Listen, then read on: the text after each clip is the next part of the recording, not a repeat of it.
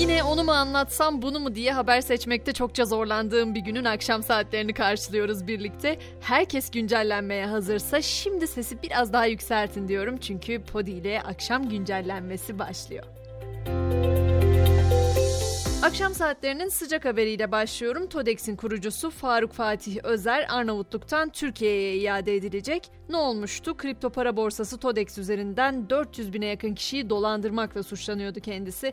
Kırmızı bültenle aranıyordu ve 30 Ağustos'ta Arnavutluk'ta yakalanmıştı. Şimdi Arnavutluk Mahkemesi onun Türkiye'ye iadesine karar verdi. Geçiyorum hepimiz için önemli konuya tahıl anlaşması, tahıl koridoru. Ukrayna Savaşı nedeniyle ülkeden çıkarılamayan tahıllar İstanbul'da imzalanan tahıl anlaşmasıyla ihtiyacı olan ülkelere gönderilmeye başlanmıştı. Rusya geçtiğimiz günlerde anlaşmayı kısa süreliğine askıya almıştı ama Türkiye'nin girişimleriyle tahıl sevkiyatı yeniden sağlanmıştı. Şimdi bu anlaşma 19 Kasım'dan itibaren 120 gün daha uzatıldı. Anlaşmanın uzatıldığının duyurulmasıyla birlikte de buğday fiyatlarında %2,5 gerileme görüldü.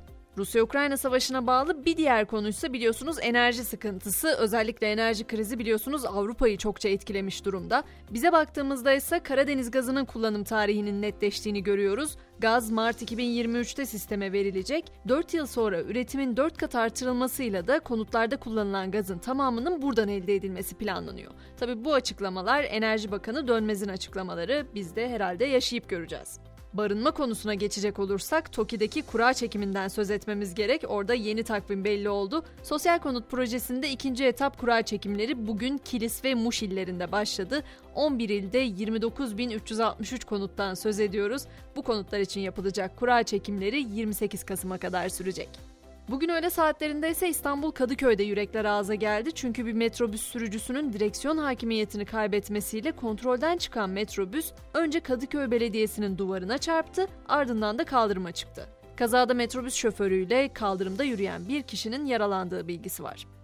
Dünden beri konuştuğumuz bir diğer konuysa regli izni meselesi. Dünyada örnekleri var biliyorsunuz konunun. Bizde de meclise sunulan bir kanun teklifiyle gündeme geldi. CHP İstanbul Milletvekili Avukat Mahmut Tanal çalışma hayatında kadınlara regli izni verilmesi amacıyla meclis başkanlığına bir kanun teklifi sundu. Ama o kanun teklifinin henüz gidişatı belli değilken Ankara Barosu hızlı davrandı ve baro bünyesindeki kadın çalışanlara ayda bir gün regli izni verilmesi kararlaştırıldı. Peki dünyada örnekleri nerede var diye sorarsanız regli izni genellikle Asya'da bulunan Japonya, Tayvan, Endonezya ve Güney Kore gibi ülkelerde görülüyor. İspanya ise şiddetli regl ağrısı yaşayan kadınlara 5 güne kadar sağlık izni verilen ilk Avrupa ülkesi.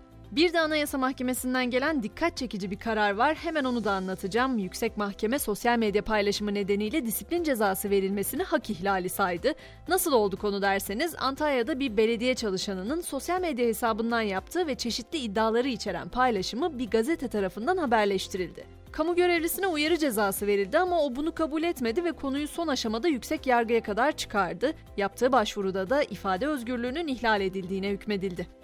Gündemdeki yolculuğumuza Amerika ile devam edeceğiz. Kehanetlerle ilgili ne düşündüğünüzü bilmiyorum ama Simpsonların Nostradamus veya Baba Vanga'nın kehanetlerini solladığı bir gerçek. ABD'nin en uzun soluklu animasyon dizisi bir kehanete daha imza attı. Biliyorsunuz 2000 yılında yapılan bir bölümde Trump'ın ABD başkanı olacağı işaret ediliyordu. Şimdi ise Simpsonların 2024 yılında yapılacak seçimler için aday olan Trump'ın adaylığını 2015 yılında öngördüğü ortaya çıktı. Bahsi geçen bu görüntüde dizinin ana karakterlerinden Homer Simpson uçarken görülüyor ve arka planda bir tabela üzerinde Trump 2024 yazıyor. Sosyal medyada ise bugünün en çok haber olan uygulaması WhatsApp. Çünkü WhatsApp'ta hem kendi kendimize mesaj atabilme özelliği geldi hem de grup sohbetleri için anket özelliği kullanıma sunuldu. Yeni özellikle birlikte gruplardaki fikir ayrılıkları oylanabilecek. Ya da özellikle kızlar birbirine onu mu giysem bunu mu giysem seçeneklerini artırabilecek. Hangisini diyorsunuz işte yok o fotoğraf önce gitmişti bir miydi iki miydi bu karışıklıklara da gerek olmayacak gibi duruyor. Çünkü anketlerde seçenekler 12'ye kadar çıkabilecek. Şimdi anlatacağım araştırma ise biraz beyleri üzebilir ama uluslararası bir araştırma Güney ve Orta Amerika, Asya ve Afrika'daki erkeklerde sperm sayılarının azaldığını gösteriyor. Yayınlanan bu ilk meta analizi 7 kıtanın tamamında 53 ülkeden alınan verilerle oluşturulmuş ve buna göre sperm sayısı ve yoğunluğundaki düşüşün 2000 sonrası hızlandığı ortaya konmuş. Ama tabii beyleri sadece üzecek değilim. Onları sevindirecek haberi de vermek isterim. Ünlü lastik firması Pirelli'nin merakla beklenen 2023 takvimi de yayımlandı. İlham Perisi'ne aşk mektupları başlıklı takvimde Cara Delevingne, Bella Hadid, Emily Ratajkowski gibi ünlü modeller yer aldı. Takvimin belki daha az bilinen bir özelliği de her yıl farklı bir fotoğrafçı tarafından çekiliyor olması. Bu yıl bu çarpıcı kareler fotoğrafçı Emma Summerton tarafından çekildi.